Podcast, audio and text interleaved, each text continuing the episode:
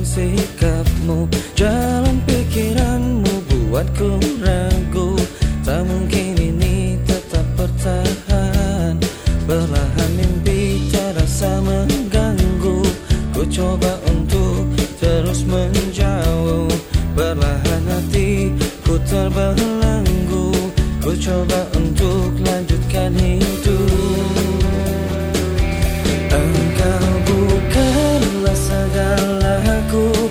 Bukan tempat untuk hentikan langkahku Saya sudah semua berlalu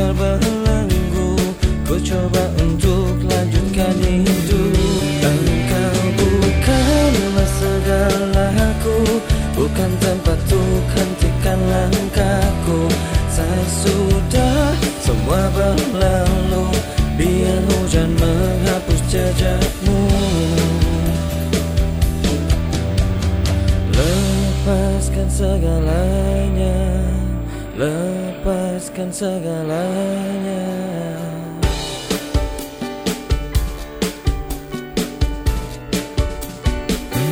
Engkau bukanlah segalaku Bukan tempat untuk hentikan langkahku. Saya sudah semua berlalu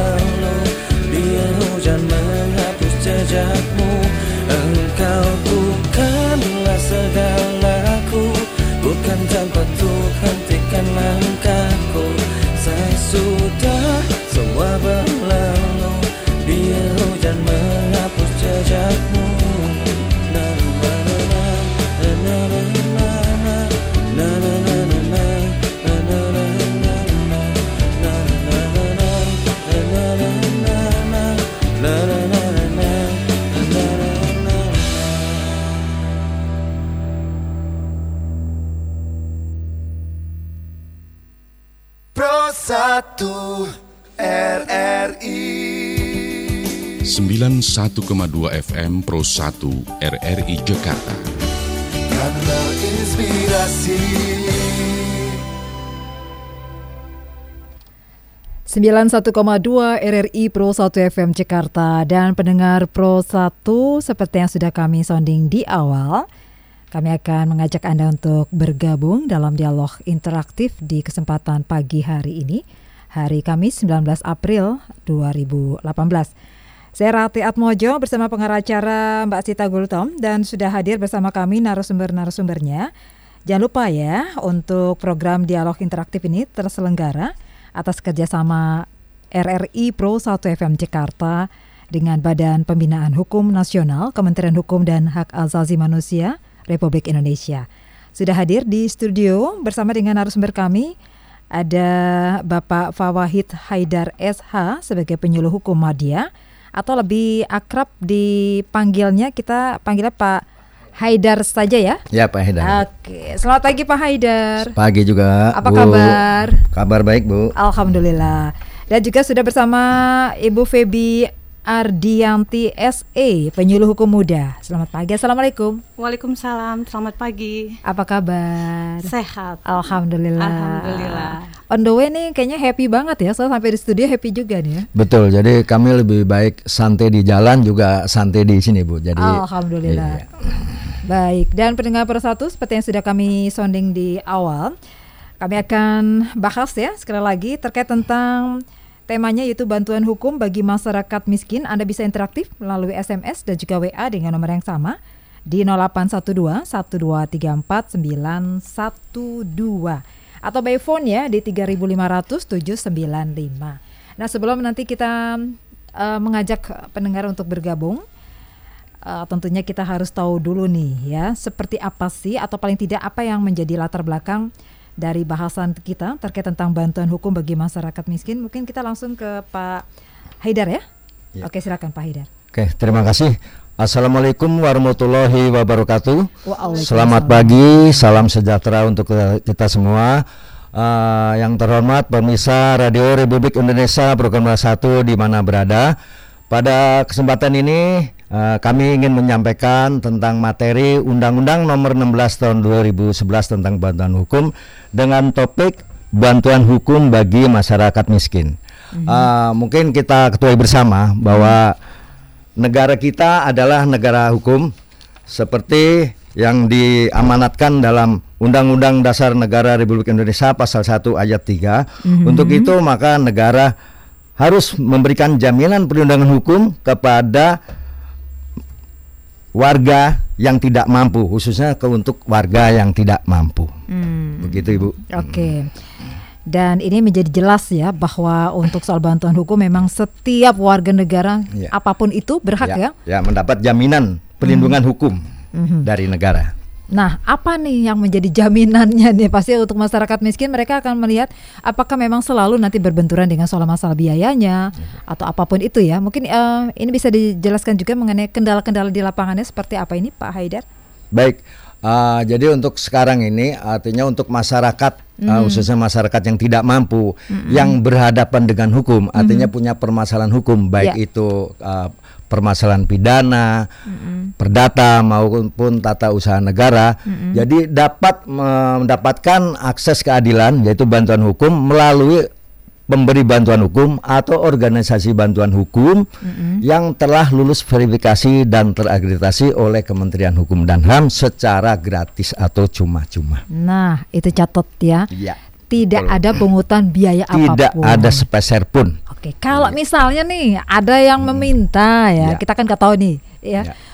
Masyarakat tiba-tiba bukan tiba-tiba kemudian mengeluhkan, kok saya dipungut sih biaya oleh oknum si A, B, C. Nah Ya. ini gimana nih Baik. monitoringnya nih? Langsung ke Ibu Febi ya. Uh-uh. Oke Ibu Febi, Oh, silakan. Terima kasih.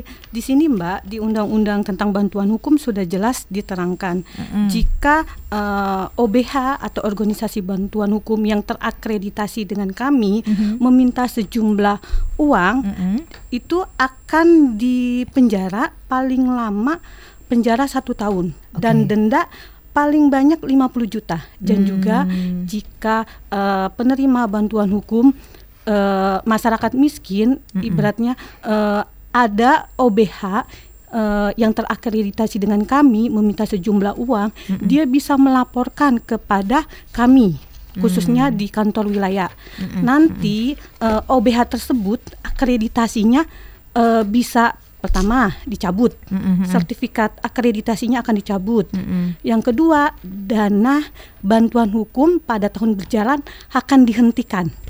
Yang ketiga sama dana bantuan hukum untuk tahun yang eh, yang akan datang itu juga akan dihentikan Oh oke. itu sanksinya bagi OBH yang terakreditasi dengan kami melanggar aturan bantuan hukum. Oke, ini OBH OBH yang nakal ya, quote and quote ya. Iya.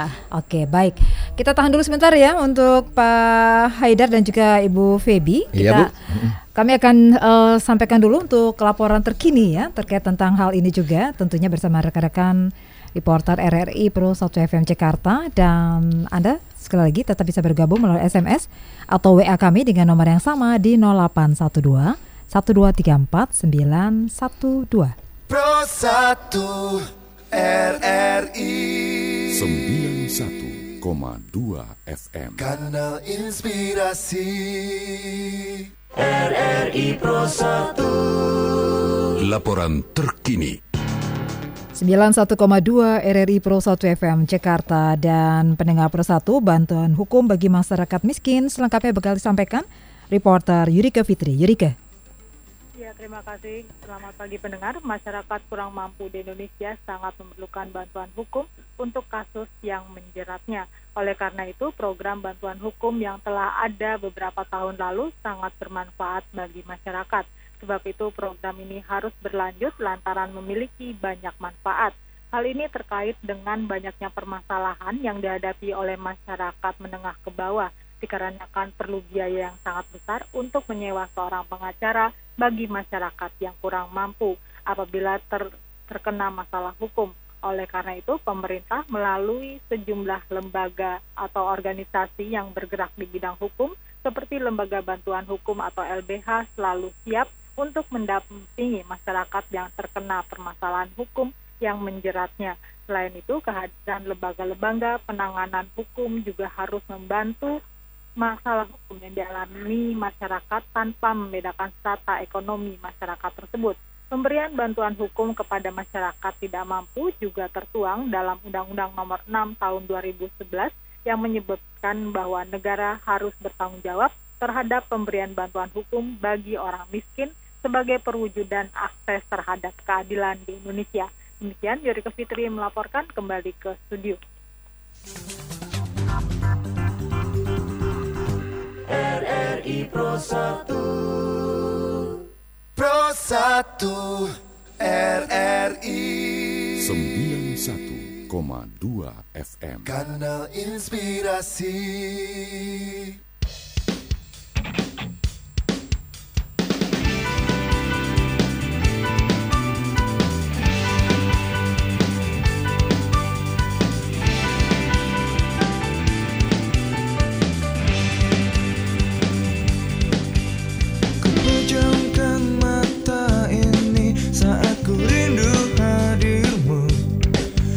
got the it.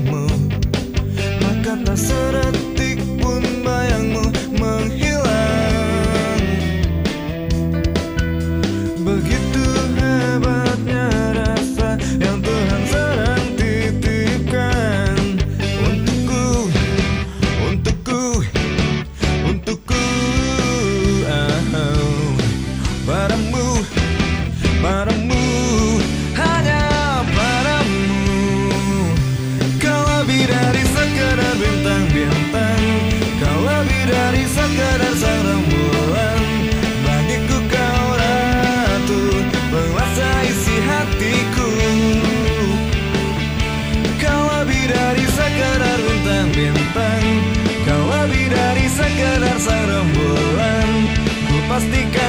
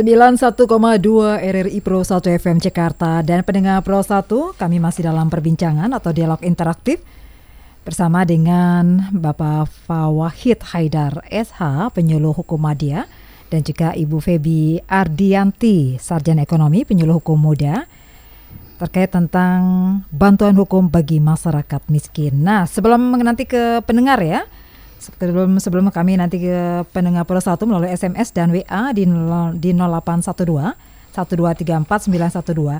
Kita harus mengetahui dulu nih pemahamannya yang memang krusial banget nih ya Pak Haidar ya. Ya betul Mbak Rati. Oke, sebetulnya tentang apa sih yang dimaksud dengan bantuan hukum kalau me- apa melihat dari Undang-Undang Nomor 16 Tahun 2011 itu?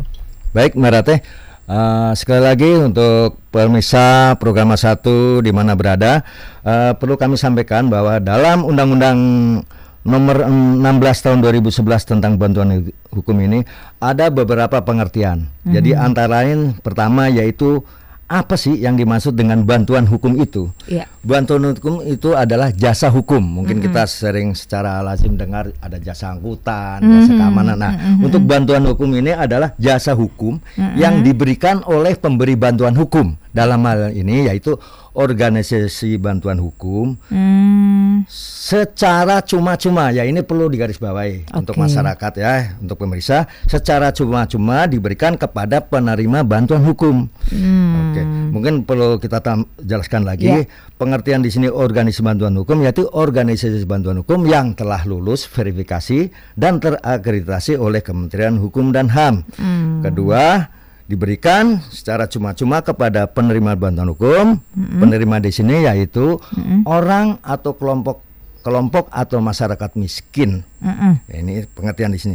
Kenapa di sini uh, ditegaskan secara cuma-cuma atau gratis? Oke. Ya betul. Ini karena apa? Pertama, istilahnya karena istilahnya untuk jasa hukum ini yang diberikan oleh OBH ini pemberi bantuan hukum kepada pemberi bantuan hukum masyarakat miskin itu setelah dibiayai oleh negara dengan dana APBN yang diselenggarakan oleh Kementerian Hukum dan HAM, Mbak Rati. Oh, jelas di sini Ya, itu betul. sebabnya Ya. Ini bantuan hukumnya secara gratis kalau Ya. lagi tidak dipungut biaya apa pun ya. Betul. Catat itu ya. Lantas siapa-siapa saja nih yang terlibat dalam pemberian bantuan hukum? Kembali merujuk pada Undang-Undang Nomor 16 Tahun 2011 itu. Ya, Mbak Ratih, mungkin ini tepatnya istilahnya siapa sih pihak yang diatur dalam undang-undang ini? itu. Jadi ada tiga pihak Mbak Ratih. Pertama yaitu pihak penerima bantuan hukum itu sendiri, kedua pemberi bantuan hukum dan ketiga yaitu kementerian yang menyelenggarakan eh, bantuan hu- hukum ini. Sekali lagi pertama yaitu penerima tadi yang kita sampaikan yaitu yang pastinya ini ah, harus dibarengi dengan istilahnya Mm-mm. ada di sini hak penerima, juga ada kewajiban atau ada Oke. syarat-syarat yang harus dipenuhi. Begitu juga dengan pemberi bantuan hukum. Di sini juga mungkin ada hak dan kewajibannya, termasuk juga di sini kementerian, yaitu khususnya di sini kementerian yang menjalankan urusan pemerintah bidang hukum, yaitu Kementerian Kementerian Hukum dan HAM. Di sini juga punya tugas dan kewenangannya terkait untuk penyelenggaraan bantuan hukum. Hmm, Begitu oke. Bu Rati, Mbak Rati? Baik ya, sekali lagi adalah penerima bantuan hukum dan pemberi bantuan hukum ya. Dan Ketiganya itu Mbak Ketiganya apa ini? Kementerian yang menjalankan uh, bantuan hukum. Jadi Kementerian Hukum dan HAM. Jadi tiga pihak yang diatur dalam Undang-Undang 16 2011. Oke, baik. Saya langsung beralih kali ini ke Ibu Febi Ardianti SE ya, penyuluh hukum muda. Nah, kalau menurut undang-undang yang ada, ini tentang bantuan hukum apa yang dimaksud dengan penerima bantuan hukum? Penerima bantuan hukum itu adalah setiap orang atau kelompok orang miskin yang tidak dapat memenuhi hak dasar secara layak dan mandiri. Mhm. Di sini Mbak, eh, hak dasar yang tidak dapat dipenuhi oleh Mhm, eh, ba- eh, penerima bantuan hukum seperti eh, sandang, mungkin dia sulit ya, Mhm, eh, pangan, layanan kesehatan, Mhm, layanan pendidikan, pekerjaan dan perumahan. Mungkin kalau pekerjaan mungkin dia eh, pekerjaannya ibaratnya eh, belum settle, belum belum maksudnya seperti kayak buruh cuci. Oh, oke. Heeh. Misalnya dia kerja di eh, dagang, asongan dan lain-lain, Mbak. Hmm, maksudnya di sini yang memang Membutuh- penghasilannya tidak eh, apa istilah belum memenuhi UMR ya? Iya, benar sekali, Mbak. Oke, itu dipastikan ya bakal memang mendapatkan hak mereka itu. Pasti. Mhm, Oke. Kemudian apa yang dimaksud dengan pemberi bantuan hukum nih? Eh, pemberi bantuan hukum adalah lembaga bantuan hukum atau organisasi kemasyarakatan atau organisasi bantuan hukum yang sering kami sebut itu OBH. Oke. Eh, yang memberikan layanan bantuan hukum yang tapi telah terakreditasi di Kementerian Hukum dan HAM. Mhm. Yang dapat memberikan bantuan hukum haruslah memenuhi syarat-syarat yang diatur dalam Undang-Undang Bantuan Hukum. Oke. Uh, pemberi bantuan hukum atau yang saya sebutkan tadi OBH, Mhm. organisasi bantuan hukum, Mhm. uh, syarat-syaratnya sebagai berikut: Mhm. harus berbadan hukum, itu harus jelas ya Mbak. Mhm. Kedua, harus terakreditasi di Kementerian Hukum dan HAM. Mhm. Mhm. Itu uh, lalu harus memiliki kantor dan sekretariat yang tetap. Lalu dia harus memiliki pengurus dan Oke. terakhir harus memiliki program bantuan hukum. Ini yang paling terpenting. Oke, harus memiliki program bantuan hukum. Iya. Seperti apa ini maksudnya nih? Eh, seperti gini Mbak, dia memberikan pelayanan seperti bantuan hukum no litigasi maupun eh, litigasi. Mhm. Ah, ah, kalau misalnya litigasi, dia proses penanganan perkaranya itu di dalam di penyelesaiannya di pengadilan, seperti Hmm. beracara, misalnya pendampingan di kepolisian, Mhm. Ah, ah, misalnya pen- ah, beracara di pengadilan. Mhm. Kalau misalnya eh, yang non litigasi seperti penyuluhan, konsultasi hukum, Mhm. investigasi kasus, Mhm. penelitian hukum, mediasi, negosiasi, Oke. pemberdayaan masyarakat, pendampingan di luar pengadilan, Mhm. dan yang terakhir drafting dokumen hukum. Hmm, oke, baik. Saya ke beralih lagi ya ke Pak Haidar ya, Pak Haidar. Iya. Ini eh, seperti apa sih sebetulnya masyarakat juga ingin tahu nih ya. Ya. Seperti apa eh, peran Kementerian Hukum dalam pemberian bantuan hukum itu sendiri? Baik. Mungkin sekali lagi dapat kami sampaikan ke pemirsa Program 1 di mana berada. Di sini artinya tadi sampaikan di depan bahwa ada tiga, tiga pihak ya yang diatur dalam Undang-Undang Nomor 16 Tahun 2011, yaitu yang ketiganya yaitu Kementerian Hukum dan HAM. Di sini punya peran atau mungkin tugas yaitu peran Kementerian Hukum dan HAM yaitu pertama menyusun atau menetapkan kebijakan penyelenggaraan bantuan hukum. Yang kedua menyusun dan menetapkan artinya ini perlu standar bantuan hukum berdasarkan asas-asas pemberian bantuan hukum. Oke. Selanjutnya juga menyusun rencana anggaran, anggaran bantuan hukum tadi ya. Selanjutnya. Yang selanjutnya mengelola anggaran bantuan hukum secara efektif, efisien, transparan dan akuntabel. Oke. Dan yang terakhir menyusun dan menyampaikan laporan penyelenggaraan bantuan hukum kepada Dewan Perwakilan Rakyat pada setiap akhir tahun anggaran. Oh, jelas sekali Iya. di situ ya. Nah, ini tadi kita sudah mengetahui ya peran Kementerian Hukum dan pemberian bantuan hukum. Lantas wewenangnya juga kita harus tahu dong ya. Wewenang dari Kementerian Hukum dan HAM itu seperti apa saja sih Pak Haidar? Baik, yaitu sa- salah satu eh, kewenangan Kementerian Hukum dan HAM untuk yang sebagai penyelenggara bantuan hukum ini, Mbak Rati, pertama yaitu mengawasi dan memastikan eh, apakah penyelenggaraan bantuan hukum dan pemberi bantuan hukum ini dijalankan sesuai dengan asas dan tujuan yang ditetapkan oleh Undang-Undang Nomor 16 tahun 2011 ini.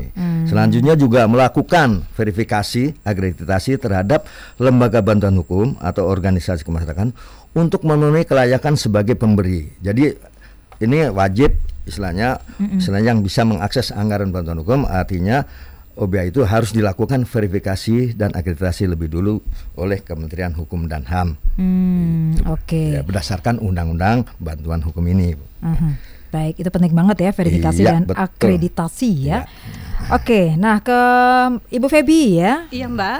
Eh, Lantas seperti apa nih pelaksanaan bantuan hukum yang lebih didasarkan tentunya pada azas-azas yang memang sudah dipahami juga oleh masyarakatnya. Azas-azas itu seperti apa itu, Bu? Eh, pertama, azas keadilan. Azas ini menempatkan hak dan kewajiban setiap orang secara profesional, patut, benar, baik dan tertib. Yang kedua, azas persamaan kedudukan di dalam hukum. Mhm. Azas ini menganggap bahwa eh, mempunyai hak masyarakat atau setiap orang mempunyai hak dan perlakuan yang sama di depan hukum secara serta kewajiban menjunjung tinggi hukum.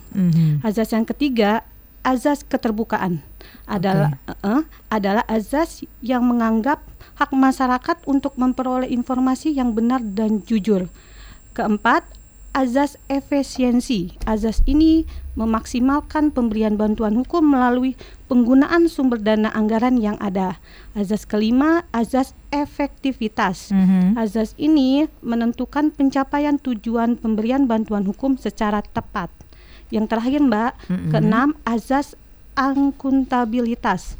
Azas akuntabilitas adalah eh, setiap kegiatan dan hasil akhir dari kegiatan penyelenggaraan bantuan hukum harus dapat dipertanggungjawabkan kepada masyarakat. Mhm. Mungkin bisa dijelaskan secara singkat saja ya. Tadi kan Iya. ada ber- beberapa azas ya, azas keadilan, azas persamaan kedudukan di dalam hukum, kemudian azas keterbukaan dan juga ada azas efisiensi, efektivitas dan akuntabilitas. Mungkin bisa diure- diuraikan tapi mungkin secara singkat saja agar kita juga paham nih Heeh. apa sih yang disebut sebagai asas keadilan itu apakah memang adil benar-benar atau adil karena ada kepentingan quote and quote nih ya Iya, kan gini Mbak, kalau dulu di masyarakat itu kan Eh. paradigma eh, avokat itu kan mahal. Mhm. Jadi eh, orang yang tersa- eh, tersandung masalah hukum bagi masyarakat miskin Ya. dia pasrah. Ah, oke. Karena untuk makan aja dia ibaratnya pas-pasan. Mm-mm, Apalagi mm-mm. untuk bayar pengacara Mm-mm, hitungannya per jam. mm-mm. Karena undang-undang ini maka eh, masyarakat Mm-mm. khususnya masyarakat miskin mempunyai hak yang sama di hadapan hukum. Jadi eh, eh, ada pendampingan avokat Mhm. baik di kepolisian, Mhm. walaupun eh, di pengadilan juga seperti itu. Mm-mm, mm-mm. Jadi eh, masyarakat miskin tidak usah bingung. Mhm. Eh, kalau eh, masyarakat miskin eh, tersandung masalah hukum, Mhm. datang saja ke OBH yang sudah terakreditasi eh, di Kementerian Hukum dan HAM. Mhm. Seperti itu, Mbak. Oke, nah kan kalau untuk masyarakat miskin, Iya, Mbak. mereka kan boro-boro deh ya mencari tahu akreditasi dari Iya, iya. OBH yang bersangkutan. Paling tidak Eh, eh yang em, familiar juga ya dengan masyarakat kelas bawah gitu ya, maksudnya bagaimana sih cara bisa mengakses ke OBH-OBH yang memang eh, representatif ya untuk bisa mewakili bantuan hukum untuk mereka? eh, jadi masyarakat tidak usah bingung. Hmm. Eh, jadi masyarakat bisa eh, masuk ke website eh, Badan Pembinaan Hukum Nasional, Mhm. eh, masuk ke Pusat Penyuluhan Hukum, Hmm. atau juga ke sitbankum.bphn.go.id. Mhm. Dan juga gini Mbak, kalau misalnya ada masyarakat masyarakat khususnya miskin ya, misalnya di kepolisian, dia sudah ditangkap, Mhm. dia bisa eh, ngomong kepolisian eh, minta pendampingan avokat. Nanti eh, pihak yang berwajib akan eh, menunjuk atau eh, eh, ibaratnya eh, mendatangkan OBH yang sudah terakreditasi dengan kementerian kami. That's the point. Itu. Itu ya. Jadi ketika nah ini ya untuk pendengar persatu atau ya siapa pun kita tidak menginginkan ya Iya, untuk benar. berusaha dengan masalah hukum. Tapi paling tidak kalau misalnya kita ada nih orang-orang di sekitar kita ya, ya mereka memang maaf ya eh, belum melek hukum ya. Kemudian mereka juga boro-boro membicarakan tentang pengacara atau pendamping ya mereka memikirkan untuk makan hari ini aja mungkin belum tentu ada ya jadi ini bisa eh, kita bantu sekali lagi karena ketika mereka memang eh, ditangani oleh pihak kepolisian mereka sudah berhak untuk meminta ya kepada Iya. pihak kepolisian saya minta didampingi seorang advokat atau pengacara ya atau OBH istilahnya ya Iya benar Mbak. Oke, dan nanti pihak kepolisian yang akan Mencarikan. mencarikan sesuai se- eh, seperti yang sudah terakreditasi itu ya. Iya. Justru ini bisa uh, Mm. menambahkan Mbak Rate justru biasanya kalau maunya orang yang bermasalah dengan hukum dalam proses penyidikan di kepolisian justru dari pihak berwajib dari Mm. petugasnya itu akan menanyakan kamu sudah dapat pendampingan dari pengacara nggak Mm. jadi justru artinya memang sudah sinergi jadi akan ditawarkan kalau tidak kalau, Hmm. Kalau belum kalau ada misalnya polisinya nggak menawarkan berarti kita pertanyakan polisinya dong ya. ya itu yang udah-udah artinya karena memang artinya dari pihak kepolisian pun sudah Oke. menjalankan undang-undang ini mbak Oke Gitu, baik. ya. harus ya. kita harus mengingatkan polisi juga dong ya.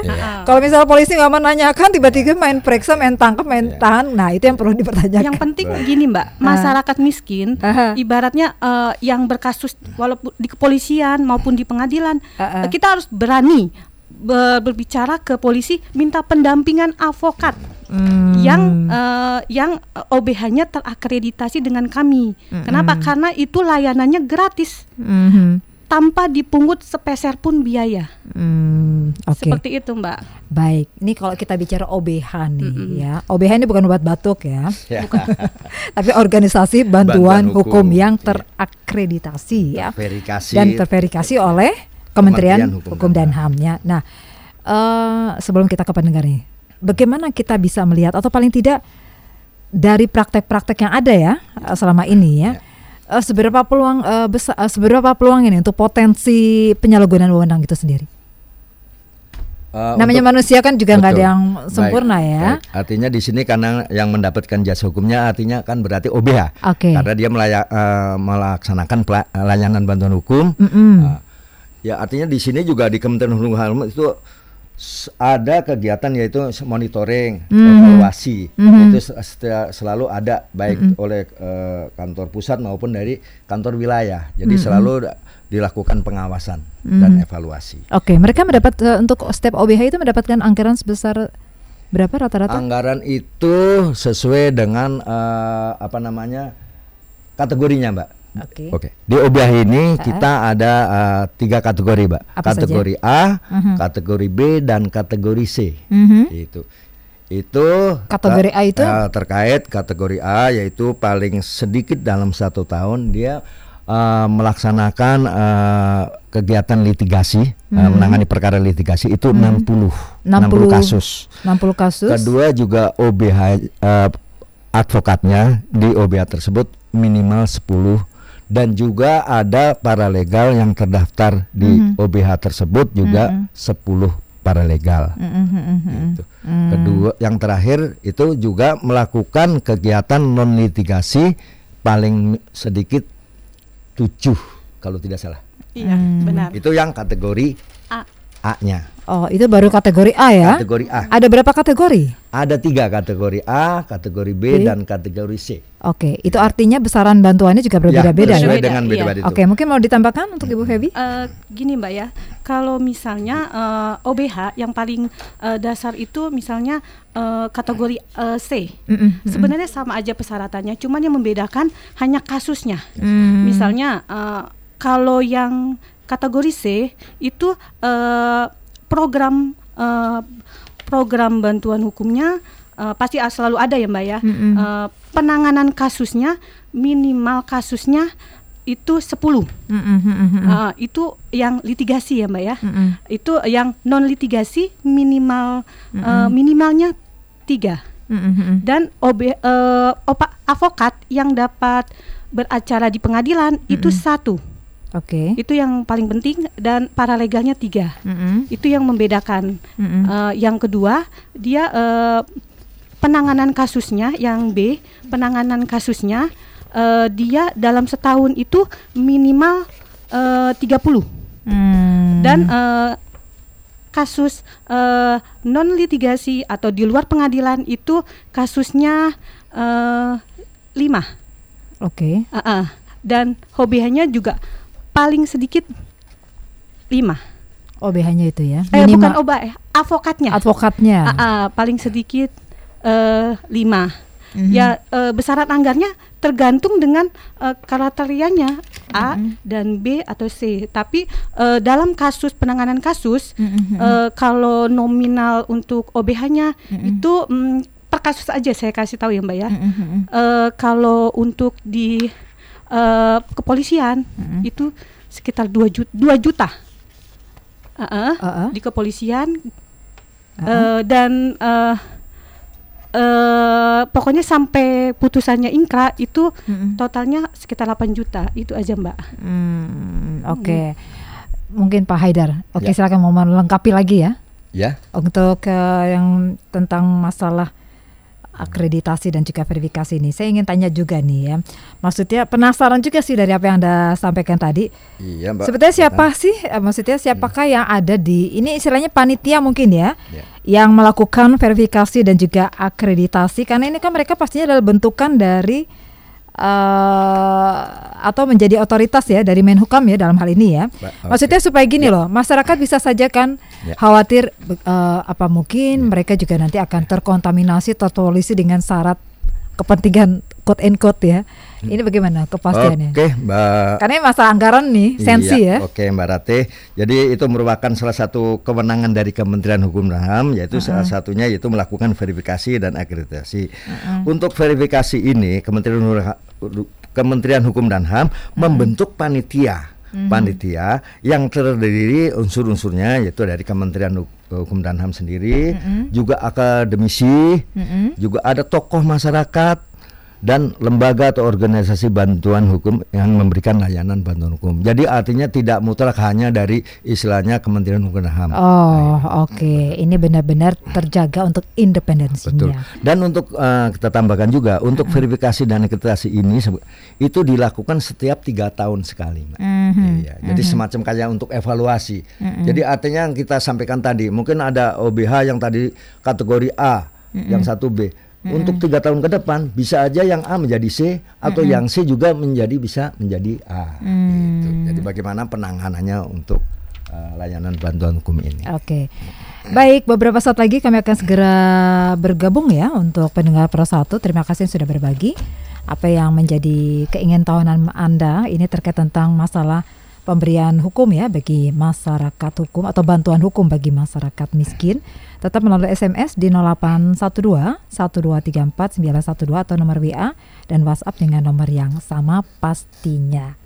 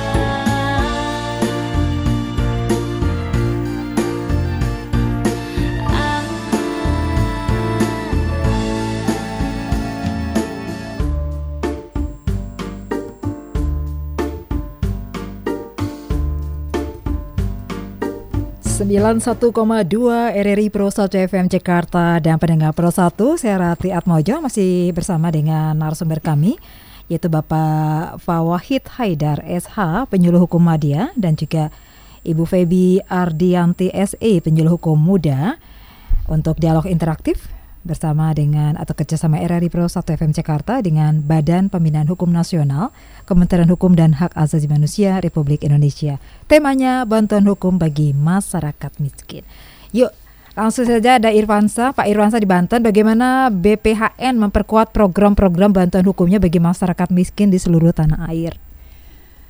Pak Haidar langsung. Eh, mohon maaf, bagaimana, Uh, dari Pak Irwansa Iya, mm-mm. menanyakan bagaimana BPHN ya, Ya, mm-mm. memperkuat program bantuan hukum bagi masyarakat miskin di seluruh tanah air. Program. Ini lebih kepada pemahaman ya. Tadi seperti ternyata di, poli, ketika berurusan dengan kepolisian atau masalah hukum ya di kantor polisi bisa bertanya dengan Pak polisi, Pak, saya perlu nih bantuan pengacara atau advokat. Seperti hal seperti itulah mungkin ya. Baik, sekali lagi untuk pendengar program satu di mana berada, eh, Mbak Ratih kita bisa kami jelaskan eh, BBAN dalam untuk meningkatkan program bantuan hukum ini, yaitu antara lain ya dengan melakukan sosialisasi undang-undang ini yang paling utama, Mbak Ratih. Melakukan sosialisasi undang-undang nomor 16 tahun 2011 tentang bantuan hukum, baik mungkin melalui kayak sekarang ini siaran radio dan juga dengan penyuluhan hukum kepada masyarakat, mungkin di lingkungan kelurahan, RT RW dan kami sering lakukan juga di sekolah-sekolah baik SD, SMP, SMA. Itu ya itu melalui sosialisasi untuk undang-undang bantuan hukum ini. Itu Oke. antara lain. Oke. Ya. Bu, ditambahkan Ibu Febi? Sudah cukup. Sudah cukup ya. Oke, baik. Kemudian juga dari Ibu Lastri di Kembangan, bagaimana masyarakat miskin ini bisa mendapatkan akses bantuan hukum sementara mereka sendiri adalah yang maaf buta untuk soal masalah hukum ya. Oh. Ibu Febi nih ya, langsung pendekatannya mungkin apa seperti apa ini? Sebenarnya gini ya Mbak ya, kalau memang dia ibaratnya eh, buta terhadap hukum, eh, yang seperti sudah saya jelaskan tadi, misalnya eh, eh, penerima bantuan hukum itu eh, berada di kepolisian, dia tinggal mengutarakan, ya kan? Eh, kalau misalnya keluarganya, mereka eh, bisa juga em, menemui OBH-OBH yang sudah terakreditasi dengan kami. Hmm. Uh, dengan persyaratan dia uh, men- menulis permohonan mengajukan bantuan hukum kepada OBH. Di sini juga lebih dipermudah jika masyarakat itu uh, tidak bisa menulis Mm-mm. atau tidak bisa membaca, OBH tersebut akan uh, menuliskannya. Jadi masyarakat cukup uh, apa namanya uh, secara lisan penyampainya bisa secara lisan. Tanda tangan juga bisa pakai cap jempol, ya kan? Lalu dia eh, masyarakat melampirkan surat keterangan eh, tidak mampu atau SKTM. Jika SKTM-nya tidak ada, bisa dipermudah lagi, bisa pakai doku- dokumen lain seperti kartu jaminan kesehatan masyarakat, bantuan langsung tunai, kartu beras miskin, kartu keluarga sejahtera, atau juga kartu Indonesia Pintar, atau juga eh, kepolisian juga bisa mengeluarkan SKTM Oh, oke. pengadilan juga, kejaksaan juga, dan OBH tersebut juga dapat mengeluarkan surat SKTM dengan ditandatangani oleh eh, pejabat OBH tersebut dengan sepengetahuan dari eh, eh, eh, dinas yang terkait seperti kepolisian. Hmm. Nah, dan juga gini Mbak, ini le- juga lebih dipermudah. Persyaratan lain KTP, kartu Oh. tanda penduduk. Oke. Eh, misalnya KTP dia tidak punya, Ah, ah. maka bisa pakai surat keterangan alamat sementara. Kan ada kita suka lihat di di pinggir-pinggir jalan, Mhm. ya kan di kolong-kolong jembatan Mhm. yang KTP-nya dia tidak punya, ya kan? Domisilinya nggak jelas lah ya. Nggak jelas. Oke. Eh, tinggal di mana, ya kan? Mhm, Itu pakai su- bisa pakai surat keterangan alamat sementara. Kalau eh, alamat dia dia tidak punya, cukup alamat OBH yang menangani kasus tersebut.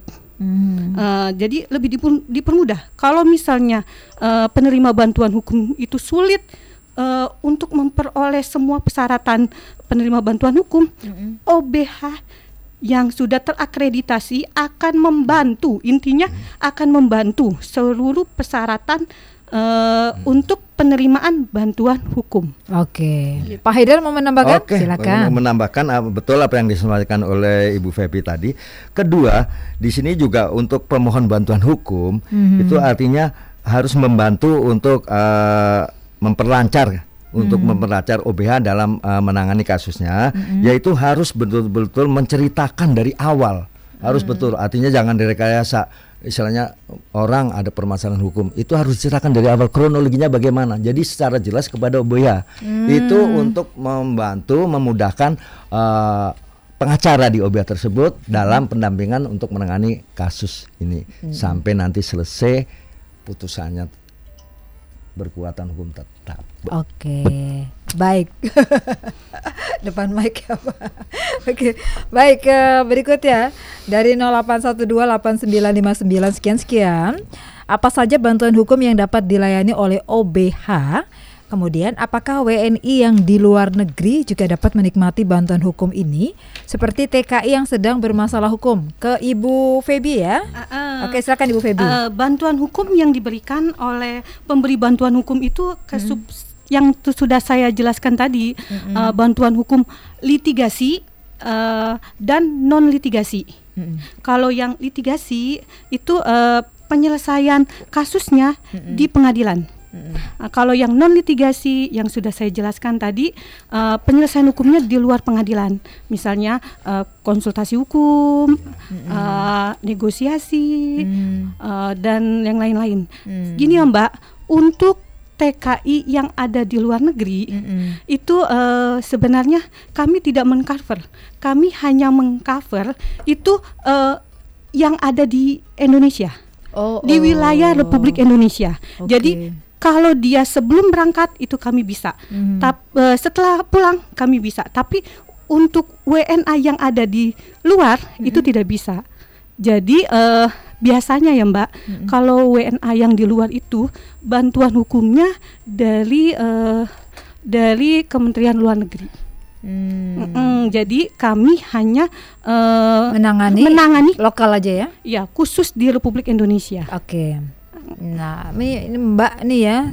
Mudah-mudahan nih ya 08128959 ya paling tidak uh, bisa lebih dipahami ya karena kalau ketika kita berada di luar negeri otomatis ya kita harus uh, mencari tahu atau paling tidak mendapatkan bantuan layanan hukum itu dari Kementerian Luar negeri. luar negeri ya Ah, atau mungkin juga dari uh, representatif dubes atau Dubes biasanya dubes Kedubes ya? eh, kedubes Indonesia biasa yang mencarikan eh, pengacara atau OB, eh, pengacaranya. Mhm, Oke.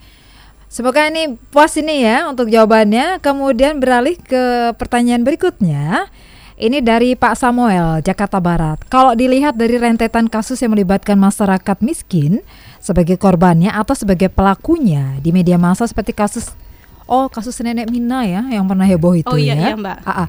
Dapat dengan kasat mata si miskin akan mendapatkan hukuman yang nggak adil karena tidak mampu membayar pengacara. Oke, ini mungkin lebih kepada eh, independensi dan versus kepentingan nih seperti Pak Haidar silakan. Ya. Se- Tadi di depan sudah sampaikan bahwa sebagai warga negara itu artinya punya kedudukan yang sama di mata hukum, di Oke. muka hukum. Uh, terkait dengan kasus-kasus mungkin orang miskin yang tadi istilahnya akhirnya uh, diperkarakan di kepolisian dengan tuntutan, semua itu kan istilahnya itu apa namanya tanggapan seseorang ya. Tapi dalam hal ini kalau orang melakukan tindak pidana di situ ada saksinya, ada juga bukti tindak pidananya. Artinya itu yang bisa dilanjutkan, di- dilaporkan untuk proses pidananya. Artinya tidak serta merta entah itu, jadi tidak melihat itu kaya atau miskin, istilahnya tua atau muda. Kalau memang istilahnya kayak tadi nenek tadi, emang terbukti ada pelanggaran hukumnya kan, Iya. ada saksi, ada bukti, Mhm. ya. Artinya tindak pidananya jelas itu, ya itu mau tidak mau artinya bisa dilakukan proses Oke. hukum. Intinya Ya. siapa pun itu hukum Iya. tetap ya Iya. adil ke atas dan ke bawah ya. Betul, Tetap sama tajamnya. sama tajamnya.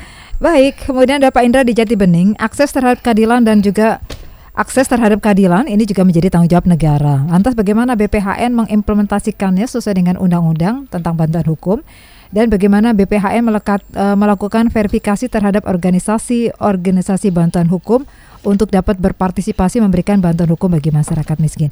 Ini sepertinya Pak Indra ini mas, eh, dari OBH ya ingin gabung juga ini ya. Oke, silakan Pak Haidar. Ini pertama tentang akses ya. Iya, baik. Eh, seperti tadi juga kami sampaikan di depan bahwa untuk eh, Kementerian Hukum dan HAM akan melaksanakan verifikasi dan akreditasi uh, lembaga bantuan hukum itu tiga tahun sekali. Dan kebetulan untuk tahun ini untuk OBH yang ingin dilakukan verifikasi itu akan dibuka di bulan Juli tahun 2018. Uh, untuk uh, OBH, jadi untuk biar lebih jelas, pertama mungkin bisa langsung menghubungi kantor wilayah. Karena sekarang ini dilaksanakan di kantor wilayah masing-masing. Oke. Kedua juga bisa membuka web BBAN uh, bban.go.id. Di situ nanti ada persyaratan. Jadi untuk uh, verifikasi ini juga nanti diatur di dalam Permenkumham nomor 3 tahun 2013. Itu terkait tentang verifikasi dan akreditasi bantuan hukum. Jadi untuk OBH yang ingin verifikasi nanti ada syarat-syaratnya bagaimana. Gitu. Hmm, Oke, jangan lupa ya untuk websitenya, untuk web website BPHN di www.bphn.go.id ya. Betul, Dan kemudian Facebooknya ada di Legal Smart Community, kemudian Twitternya ada di @penyuluhan hukum nyambung ini ya, @penyuluhan hukum. Kemudian untuk Wikipedianya penyuluhan hukum ya. Iya. Oke, Ibu Febi mau menambahkan silakan.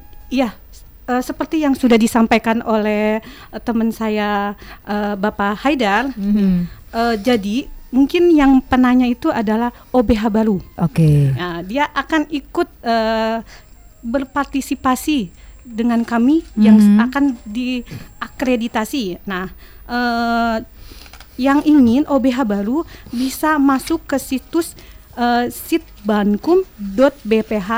sitbankum.bphn.go.id. Di situ Mhm. ada ada pilihan OBH baru atau OBH lama. Oh, oke. Eh, eh, kalau OBH baru tinggal dia klik OBH baru. Mhm. Eh, persyaratannya eh, pertama berbadan hukum, memiliki kantor dan sekretariat yang tetap, Mhm. memiliki pengurus, memiliki program bantuan hukum, Mhm. memiliki avokat yang terdaftar pada lembaga bantuan hukum itu ya. Mhm, mhm. Yang terakhir telah menangani paling sedikit 10 kasus bantuan Oh. hukum. Itu minimal ya? Ya, minimal Oke. dalam setahun ya Mbak ya.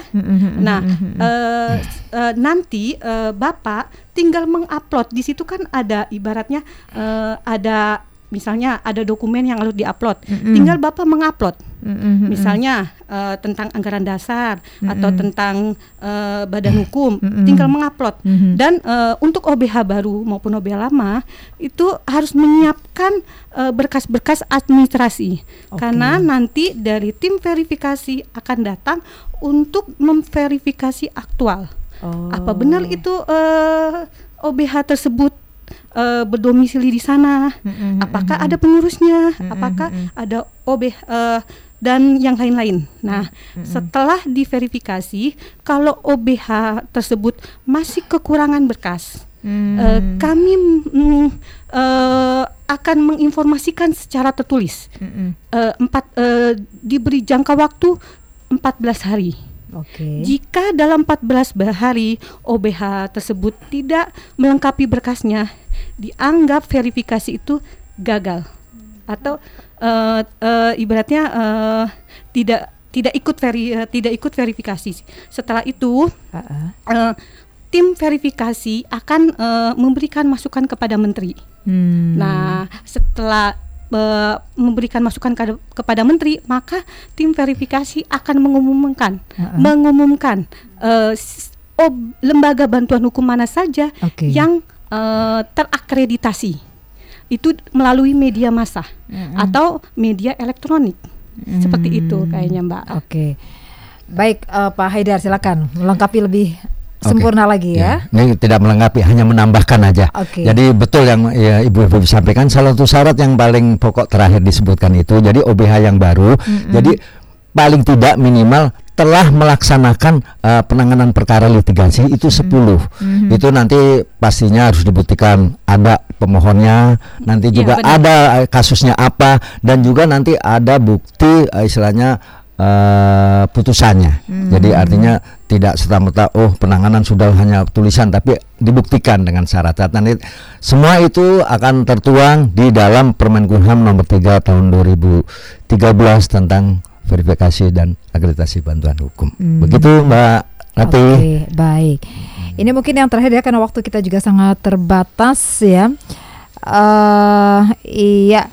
Ini bagaimana dari Pak Ah, yes, nanti bisa melengkapi aja ya. Baik ini eh, Pak Sutrisno ya, bagaimana sebetulnya monitoring dan evaluasi pelaksanaan hukum untuk masyarakat miskin? Tapi ini lebih ke masalah anggaran ini ya. Ya. Ini untuk tahun ini apakah ada peningkatan anggaran untuk bantuan hukum masyarakat miskin atau justru pengurangan ini Pak?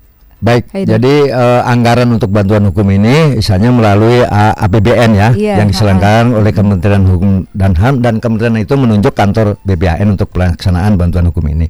Jadi rata-rata penyelenggaraan bantuan hukum dana bantuan hukum ini mulai tahun 2000 2013 sampai sekarang itu rata-rata hampir itu 40 miliar.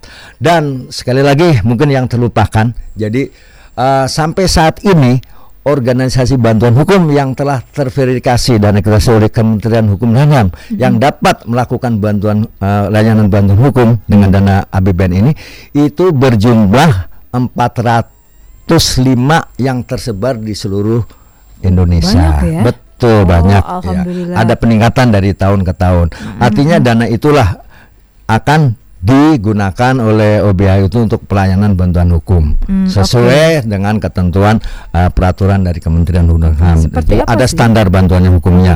Contoh untuk penanganan misalnya litigasi Aha. per perkara, per perkara itu uh, berapa untuk kegiatan non litigasi di situ ada kegiatan 9 kegiatan non litigasi untuk oh OBH ini ingin melakukan itu itu semua tertuang dalam standar bantuan hukum. Mhm, Oke. Lantas bagaimana sistem pendanaan bantuan hukum? Ya, Seperti apa? sistem pendanaan hukum yang kami tahu itu sifatnya rembes.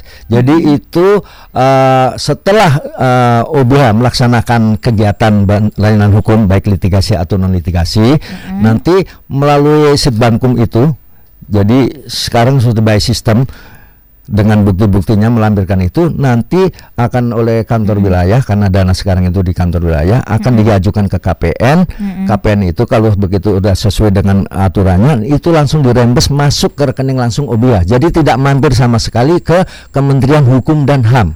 Karena Oh. bantuan itu diberikan kepada OBH karena itu OBH memberikan jasa hukum atau layanan hukum. Hmm. Sebenarnya yang menerima itu orang miskin, ya itulah orang miskin gratis. Hmm, Itulah apa istilahnya tujuannya kenapa undang-undang nomor 16 2011 itu lahir Oke. begitu, Mbak. Nah, karena kita juga melihat ya bahwa em, masyarakat yang memang kurang mampu, ini tentunya masih banyak ya, khususnya di daerah-daerah pelosok ya. Betul. Nah, ini eh, sumber pendanaan bantuan hukumnya selain tadi dari APBN, kemudian APBD, Ya. itu dari mana lagi ya? Oke, itu mungkin bisa kita tambahkan satu lagi yaitu eh, per- eh, pemerintah daerah yaitu dengan alokasi anggaran APBD. Hmm. Betul, itu nanti diatur oleh peraturan daerah. Namun untuk eh, dalam sistem untuk bantuan hukum itu tetap mengacu ke Kementerian Hu- Hukum dan HAM. Dalam hal ini artinya OBH yang melaksanakan itu harus OBH yang telah lulus verifikasi dan akreditasi oleh Kementerian Hukum dan HAM. Tapi terkait mungkin besarannya anggaran dan sebagainya itu diatur oleh eh, peraturan daerah, perda, perda di daerah setempat. Oke, Mbak Feby, Ibu Feby silakan. S- seperti yang sudah disampaikan oleh Bapak Haidar, saya cuma menambahkan eh, dana bantuan hukum bisa juga lewat hibah atau sumbangan. Mhm. Tapi sumber eh, hibah atau sumbangan ini itu sifatnya eh, yang sah dan tidak mengikat. Oke. Eh, tidak ada embel-embel di belakangnya, Mbak. Hmm, gitu. Oke. Jadi pure untuk eh, orang miskin. Mm-mm. Baik, tidak ada istilahnya yang pura-pura ya. Ya, seperti itu, Mbak. Dan ini bahaya juga ya kalau misalnya mereka sebetulnya mampu tapi justru menggunakan Nah, apa yang menjadi eh, haknya hak orang miskin. Heeh. Mm. Tapi ada nggak sih dalam kasus di lapangan ditemukan seperti itu, Eh, Pak Haidar, sebenarnya Bu- Mbak Feby? gini ya Mbak, Eh, kalau di kami s- siapa pun bisa asal dia eh, ibaratnya eh, dapat memperoleh surat keterangan tidak mampu. Hmm, Kalau eh, surat keterangan tidak mampu itu ibaratnya eh, eh, diberikan eh, apa di dia dapat memperoleh surat keterangan tidak mampu dan surat dokumen lain Mhm. itu siapa pun bisa Mbak Oke. dapat memperoleh bantuan hukum. Oke, baik. Kecil kemungkinan lah ya kalau misalnya orang yang mampu mengurus surat kurang mampu kayaknya rada-rada gengsi kali ya. Kayaknya dia malu Mbak. Bagus loh kalau masih ada budaya malu ya. Karena tidak mengambil apa yang menjadi hak yang memang bukan hak kita ya. Iya, Baik, benar. di akhir kebersamaan kita Pak Haidar eh, semacam closing statement ya. Ini terkait tentang tema kita bantuan hukum bagi masyarakat miskin. Silakan. Ya, baik terima kasih Mbak Ratih. Eh, sekali lagi untuk eh, pendengar ya, Mbak. Ya, pendengar Pro program satu di mana berada, kami dari Badan Pembinaan Hukum Nasional Kementerian Hukum dan HAM menghimbau apabila kepada masyarakat miskin yang sedang berperkara dengan hukum tidak usah bingung atau eh, takut.